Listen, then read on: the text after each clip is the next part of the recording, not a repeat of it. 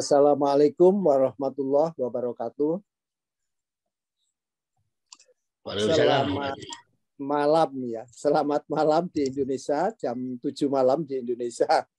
Eh, kami yang ada di Amerika sekarang ini jam 6 pagi. Jadi jadi mulai tadi malam itu terjadi apa istilah kalau di Amerika itu day saving time end. Kita berakhir jadi yang menyimpan satu jam itu berakhir. Ya. Uh, di hadapan kita pada hari ini kita memang mempunyai judul kayak lesap ya judulnya itu kayak lesap ya apa akan disampaikan oleh narasumber kita yang terhormat Bapak uh, Muhammad bin Rahmat atau juga sering dipanggil sebagai Bapak R. Hambali. Raden Hambali. Beliau uh, merupakan sebetulnya tidak bisa di, diingkari lagi merupakan budayawan muda Bangkalan dengan karya-karya yang spektakuler ya. Karya-karya beliau yang cukup spektakuler. Uh, nanti sebetulnya melalui share screen akan kita bagikan apa saja yang sebetulnya yang beliau sudah sudah Eh, kerjakan atau dilakukan untuk eh, Madura secara umum bahkan Indonesia ya juga ya. Anu, banyak eh, rintisan-rintisan yang beliau itu capai ya. Kalau disebutkan itu cukup banyak sekali yang nanti akan kita sertakan semuanya di dalam apa? Di di di website kita di anu di share screen semuanya bisa diikuti dengan baik sekali uh, Bapak Adrian yang terhormat, Pak Adrian Pak Witra yang terhormat juga ini luar biasa. lagi. Selalu hadir ya, selalu hadir di tiga bincang ini. Jadi memang baguslah kita itu ya kami kayak seperti saya ini kan termasuk senior yang sebentar lagi meninggalkan yang lebih muda. Nah, Pak Adrian itulah anggap anak saya kan gitu. Nah, kemudian ada yang lebih muda lagi ya mungkin uh, kalau bilang itu ponaan saya Pak Pak Rahmat ini ponaan saya atau apa gitu ya. Ya memang eh, kehidupan itu memang begini ya kehidupan itu begini. Uh, tidak ada gading yang tak retak ya tidak ada gading yang tak retak. Uh, untuk uh, mempermudah ya saudara-saudara semuanya ini saya perkenalkan juga ini. Uh, saya persilahkan Pak Pak Hambali ya silakan. Pak Muhammad bin Rahmat untuk segera menyampaikan apa-apa yang uh, akan Bapak sampaikan, tapi tidak ada jeleknya Bapak memperkenalkan diri ya, uh, termasuk sedikitlah diulas sedikit Bapak itu siapa, sedikit CV. Jadi saya itu lebih senang kalau Bapak sendiri yang yang menyampaikan, walaupun tidak usah semuanya ya. Silahkan kepada Pak Muhammad bin Rahmat. Silahkan. Ya, Assalamualaikum warahmatullahi wabarakatuh. Waalaikumsalam. Waalaikumsalam warahmatullahi wabarakatuh. Astagfirullahaladzim, astagfirullahaladzim, astagfirullahaladzim. Alhamdulillah kita bisa bertemu meskipun jalur online.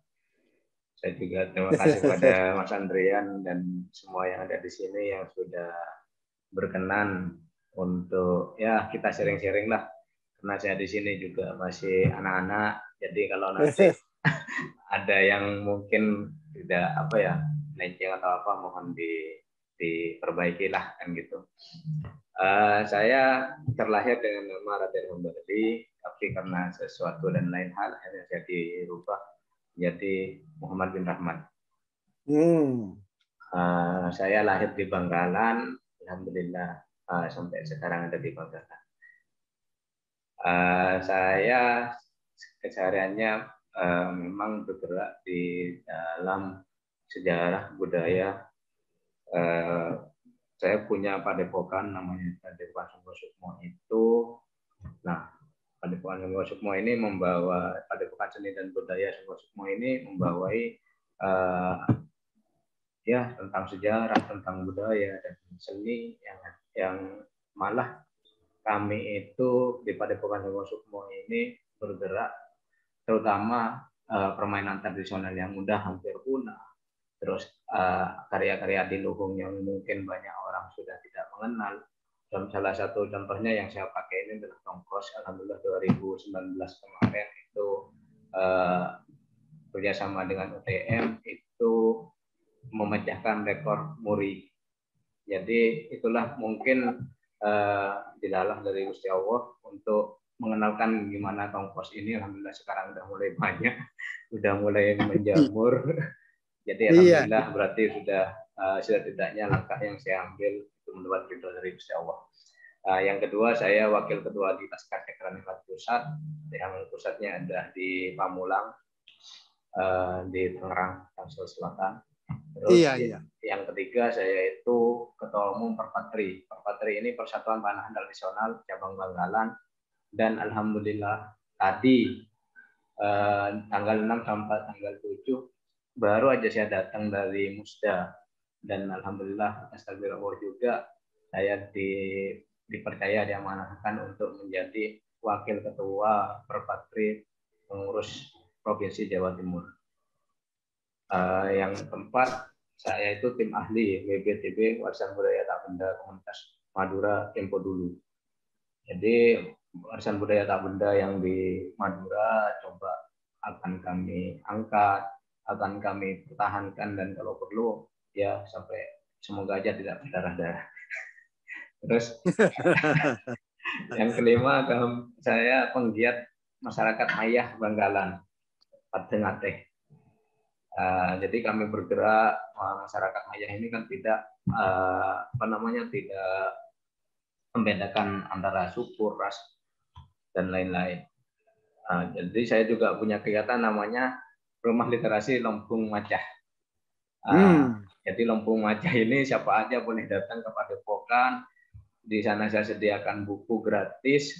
Silakan baca, mau dibawa pulang monggo tapi izin dulu kan gitu dan uh, alhamdulillah uh, saya sudah dapat kamus dari ya kamusnya Mas Adrian di situ. Itu dikasih sama guru Muhammadiyah. Ya semoga aja nanti suatu saat saya bisa sowan ke Mas Adrian untuk minta tanda tangan karena saya setiap punya kitab atau pedoman kalau belum tanda tangin oleh si pengarang kurang abdul. Atau yang yang ngasih. Kayak gitu biasanya. Yang mohon izin nanti Mas Adrian yang kelima saya bergerak juga di bidang tosan haji yaitu nunggak semi. Tosan haji ini ya kita tahu bahwa uh, karya di Luhung Madura itu salah satunya ya uh, pusaka tosan haji. Mungkin itu uh, sedikit uh, apa namanya kegiatan saya selama ini. Ya ini yang justru kita tunggu-tunggu ini. Jadi generasi muda yang sudah menunjukkan anu apa uh, kiprahnya, kiprahnya ya, performennya. Jadi uh, kalau saya melihat ya kami kami ini melihat sebagai generasi yang lebih senior ini adalah uh, emasnya ya, goldennya, berliannya Indonesia. Kalau saya ini berliannya Indonesia, jadi Eh, saya bersyukur kepada Allah Subhanahu wa taala ternyata generasi generasi muda Indonesia, generasi muda Jawa Timur, generasi muda Madura ini uh, sudah mulai bermunculan ya, bermunculan. Dan ini mungkin dengan peran dengan peran Pak Rahmat atau Pak Ahmali ini uh, bisa ini ini penting bisa memberikan semangat kepada ke, ini anak-anak yang lebih muda, generasi yang muda, bahkan ya yang nggak apa-apa. Generasi yang lebih tua itu jadi menambah menambah ilmunya dengan apa fasilitas dengan inisiatif yang lebih mudah. Silakan Pak Anu, Pak Rahmat. Ya.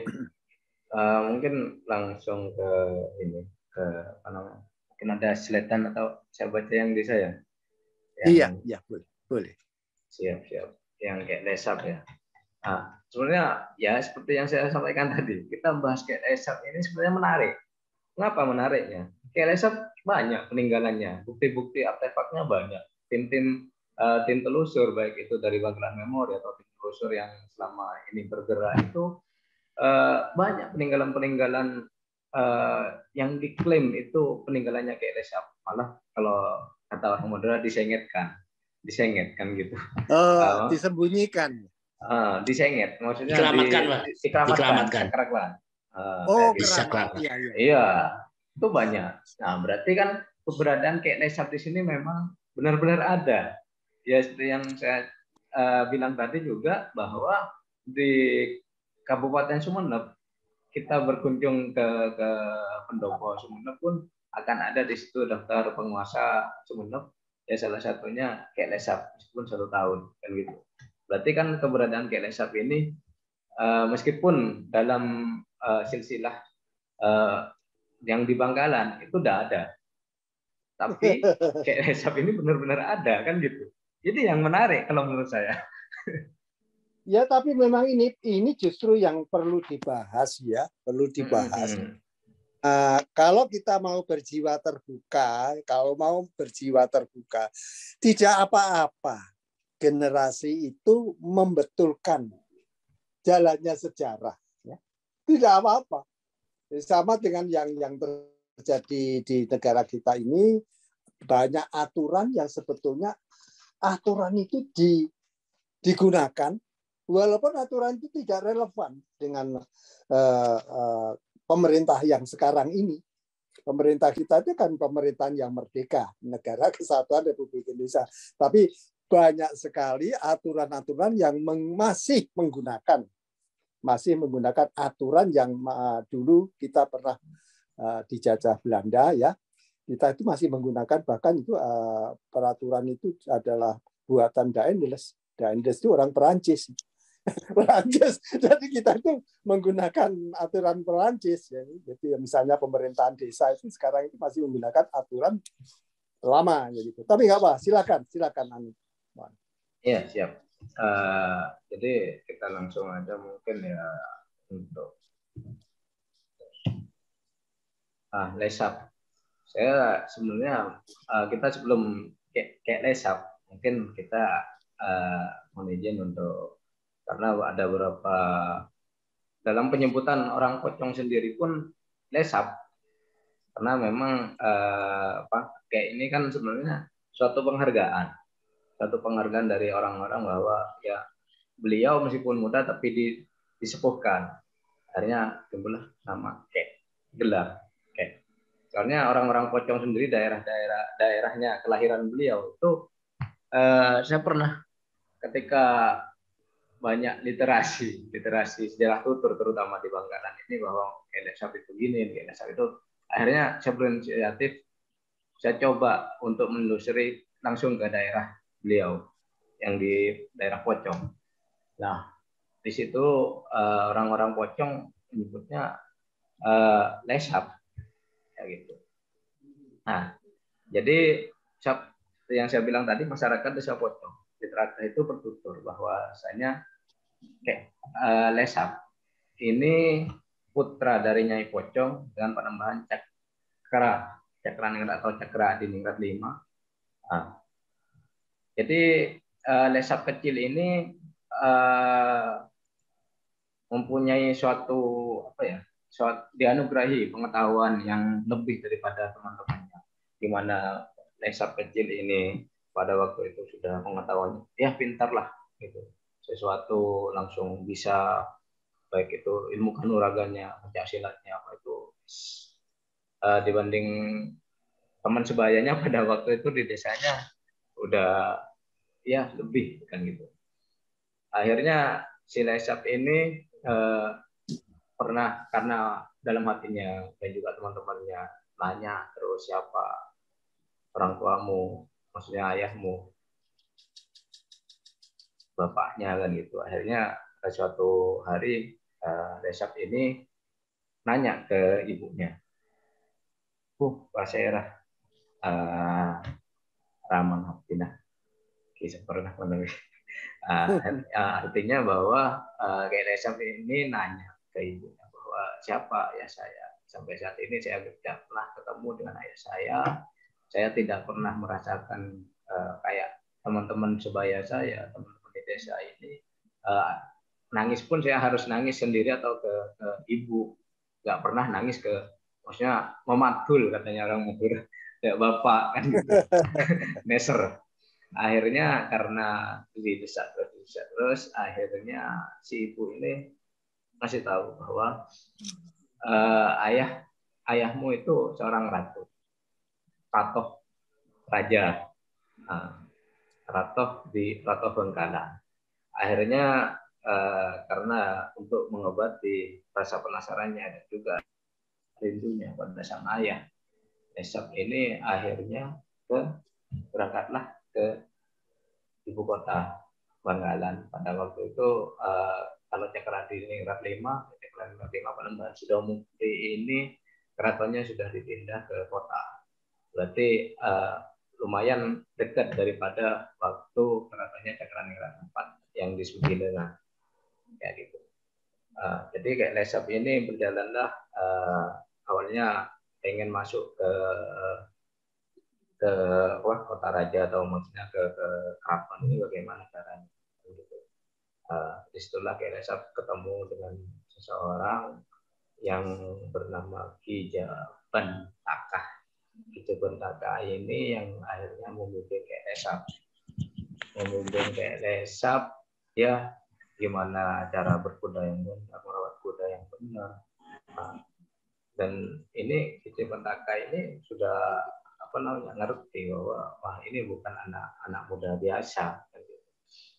Nah, suatu saat uh, kalau di yang saya yang saya dikasih oleh uh, tim Prof.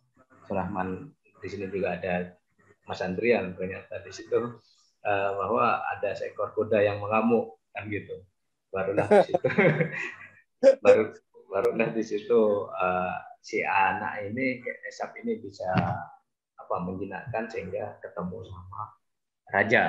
Nah, itu kan uh, iya suatu suatu apa? Suatu ini kan suatu jalan dari Gusti Allah bahwa gimana seseorang bisa ketemu sama dengan hatinya kan gitu. Jadi iya. seorang ayah bisa ketemu anaknya, bisa melihat akhirnya uh, si ayah ini nah kamu siapa dari mana akhirnya uh, ini bilang saya anaknya Pocong. Tetapi di situlah uh, Panembahan Sidomukti itu dilema. Mengapa? Dilemanya yang pertama, kalau dia beliau mengakui Kenesap, otomatis Kenesap harus masuk dalam tatanan keraton. Tapi kalau dia tidak mengakui, otomatis dia beliau beliau akan berdosa sebenarnya pada karena apa namanya sikap muslim ini juga Islam. Akhirnya uh, disuruhlah uh, Kelesat ini untuk uh, tinggal sama Ki Jaban Takah uh, dan juga di daerah Jagan. Di daerah Pejagan itu Kelesat ya mengajari ngaji, mengajari ya kanuragan, silat malah tambah hari itu tambah banyak. Murid-murid santrinya lah tambah banyak. Di daerah Tuko di daerah Tuko sendiri saya pernah nyoba ke nyoba ke daerah itu. Ternyata memang uh, sesepuh sesepuh Tuko itu memang bilang pada waktu itu ada sih sebenarnya peninggalan kayak sapi sini cuma sekarang sudah tidak ada karena di apa ya dikubur karena daerah Tuko itu sebagian besar sekarang jadi pemakaman umum jadi hmm. di situ itu pernah ada memang peninggalan KRSAP. So, uh, yaitu ketika ada ya itulah mungkin hobi dan juga kesenangan saya ya. Ketika ada info di sini ada ini saya langsung samperin. Maksudnya biar biar apa yang bisa saya dokumentasi ya itu yang yang perlu. Balik lagi ke KLSAP akhirnya uh, ini uh, di daerah Pejagan itu Nesap itu uh, apa namanya santrinya makin banyak tiap akhirnya karena pada waktu itu kita masih ada dalam cengkraman penjajah uh, si VOC ini akhirnya bilang ke ke, ke Raja Banggala namanya sudah mukti. Tuh Nesap kok makin banyak apa nanti ke nggak membahayakan ke ke kerajaan.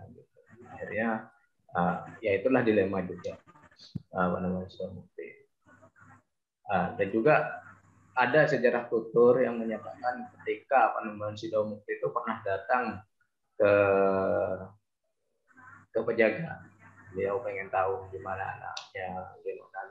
Akhirnya beliau berdua ini saling bercengkrama maksudnya uh, ya disambutlah gimana anak menyambut ayah. Terus mengutarakan bahwa gimana saya ini kan anaknya putranya jenengan sampai sekarang belum diakuni kan gitu. Akhirnya si Panembahan Sidomukti ini Cakrawala lima ini dawuh ke kelesap cong mon lakar bentang anak bukti ake dari mau bukti nah nah kotu nak do ake kapi meturir ya maksudnya hmm. uh, kelesap itu di di uh, penemuan bukti itu bilang ke kelesap kalau kamu memang anak saya buktikan dengan cara kamu bisa menguasai uh, semua Madura ini Nah, akhirnya dengan tantangan itu Kelesap mulai menepi uh, menyendiri musemedi di Kampek di Gunung Kampek daerah Tunjung itu. Nah di sana banyak memang banyak ketika tim-tim telusur ya salah satunya yang saya kira kemarin gambar itu itu ada uh, bekas kaki kuda dari GNS tempat pertapaannya hmm. itu itu banyak di situ. Akhirnya ketika beliau sudah juga di kampek itu juga udah banyak uh, santrinya atau ya pengikutnya. Akhirnya beliau uh, karena dengan tantangan itu akhirnya beliau berangkatlah ke timur yaitu me menguasai daerah Sumeneb kayak gitu. Nah, jadi Lesap itu memerintah Sumeneb itu satu tahun. Itu 1749 1750. Itu pada waktu itu yang menguasai Sumeneb rajanya Raden Alsa. Ya, Raden Alsa. Raden Alsa yang bergelarnya itu yang lucu adalah Pangeran Lolos. Mengapa dinamakan Pangeran Lolos? Nah itu. Hmm. Saya pada waktu itu nanya ke sejarawan Sumeneb dan juga uh, yang di museum lah sana mengapa dinamakan Pangeran Lolos. Maksudnya gelarnya Raden Alisa ini. Nah, kan bahwa mengapa dinamakan Raden Lolos? Karena pada waktu Kenesap menyerang Keraton Sumeneb, beliau berhasil meloloskan diri. Yang disebut Pangeran Lolos. Nah, gitu. Jadi iya, iya. Uh, ya itu memang uh, Kelesap ini berarti memang benar-benar ada ya peninggalannya dan juga yang ke ke Sumeneb itu ada di di di daftar raja-raja yang pernah memerintah Sumeneb kan gitu. Ah, balik lagi ke ke ya saya bilang cerita memang ini cerita tapi peninggalan kayak banyak. Yang penting semangatnya sebenarnya. Semangat bahwa kayak ini uh, gimana tawaduknya kepada seorang ibu. Dia gak pernah mengeluh pada ibu hanya pengen tahu gimana ayahnya. Itu yang perlu kita uh, saat ini melihat KLSAP dari sisi itu. Akhirnya berangkatlah KLSAP itu telah di Sumeneb, berangkatlah terus ke barat, ke barat ke barat. Nah, yang menarik, mengapa uh, kayak Sumeneb, Pamekasan itu sama KLSAP berhasil ditaklukkan. Yang Sampang ini mengapa enggak? Itu yang menarik sebenarnya. Nah, jadi eh, karena pada waktu itu memang eh, Sampang sama Bangkalan ini kan masih satu wilayah Madura Barat. Tetapi saya juga akhirnya timbul dalam hati itu mengapa Sampang ini uh, tidak ya tidak lah maksudnya kan gitu. Akhirnya saya berangkatlah ke Sampang, ketemu sama budayawan Sampang, sesepuh Sampang juga pada waktu itu es lempang maksudnya es lempang itu elebetin ah, jadi pada waktu uh, di Sampang ini dilebetin itu yang kalau referensi ada cerita rakyat, Iya. ada cerita-cerita juga bahwa Sampang ini karena Sempangen, jadi Sampang. Tapi uh, budayawan Sampang dan juga sejarawan Sampang Sempangen. Maksudnya uh, dilewatin Sampang ini karena Kelesap ngerti bahwa uh, sesepuh-sesepuhnya juga ada di Sampang itu. Ada Sempangen. Sampailah ke daerah Bulega. Nah, di situ terus jalan akhirnya ke Tunjung. Nah, di Tunjung ini yang menarik bahwa eh, di Tunjung ini eh, Panembahan Sidomukti mulai berpikir dengan banyaknya kekalahan-kekalahan di daerah timur yang ditaklukkan oleh KLSAP itu akhirnya Panembahan Sidomukti ini mulai berpikir bagaimana KLSAP ini tidak bisa dihadapin dengan juga kekerasan karena kalau kekerasan pengikutnya juga kalau turun dari Gunung Kampek pun akan banyak kita akan kesulitan gitu menurut Panembahan Sidomukti. Uh, akhirnya uh, beliau bilang bahwa Kedesap ini harus dihadapin dengan taktik atau uh, tipu muslihat. Jadi ketika waktu itu orang-orang Tunjung, benteng Tunjung pada waktu itu uh, memang ada benteng Tunjung itu meskipun uh, mungkin dari dinas terkait belum, tapi pernah tim itu menemukan suatu tatanan uh, batu bata, batu bata kuno di daerah Tunjung itu bahwa memang uh, diperkirakan bahwa di situ memang ada benteng dan bangunan-bangunan kuno, maksudnya tatanan-tatanan batu bata itu. Akhirnya di daerah Tunjung itulah di dikibarkanlah banyak di, dikibarkanlah bendera-bendera putih yang menandakan bahwa uh, Kenesa berpikir, oh bendera putih, apakah uh, Kang Rama, misalnya Bapak atau uh, Raja Bangkalan itu sudah nyerah kan gitu. Akhirnya uh, ada yang menyampaikan ke beliau bahwa Raja Bangkalan sudah nyerah. Uh, itu ditandakan dengan uh, tunjung, uh, tunjung uh, bendera putih. Akhirnya uh, Kelesap ya sudah kalau memang gitu, uh, kalau memang ayah menghendaki kayak gitu, saya juga akan uh, menghentikan peperangan ini.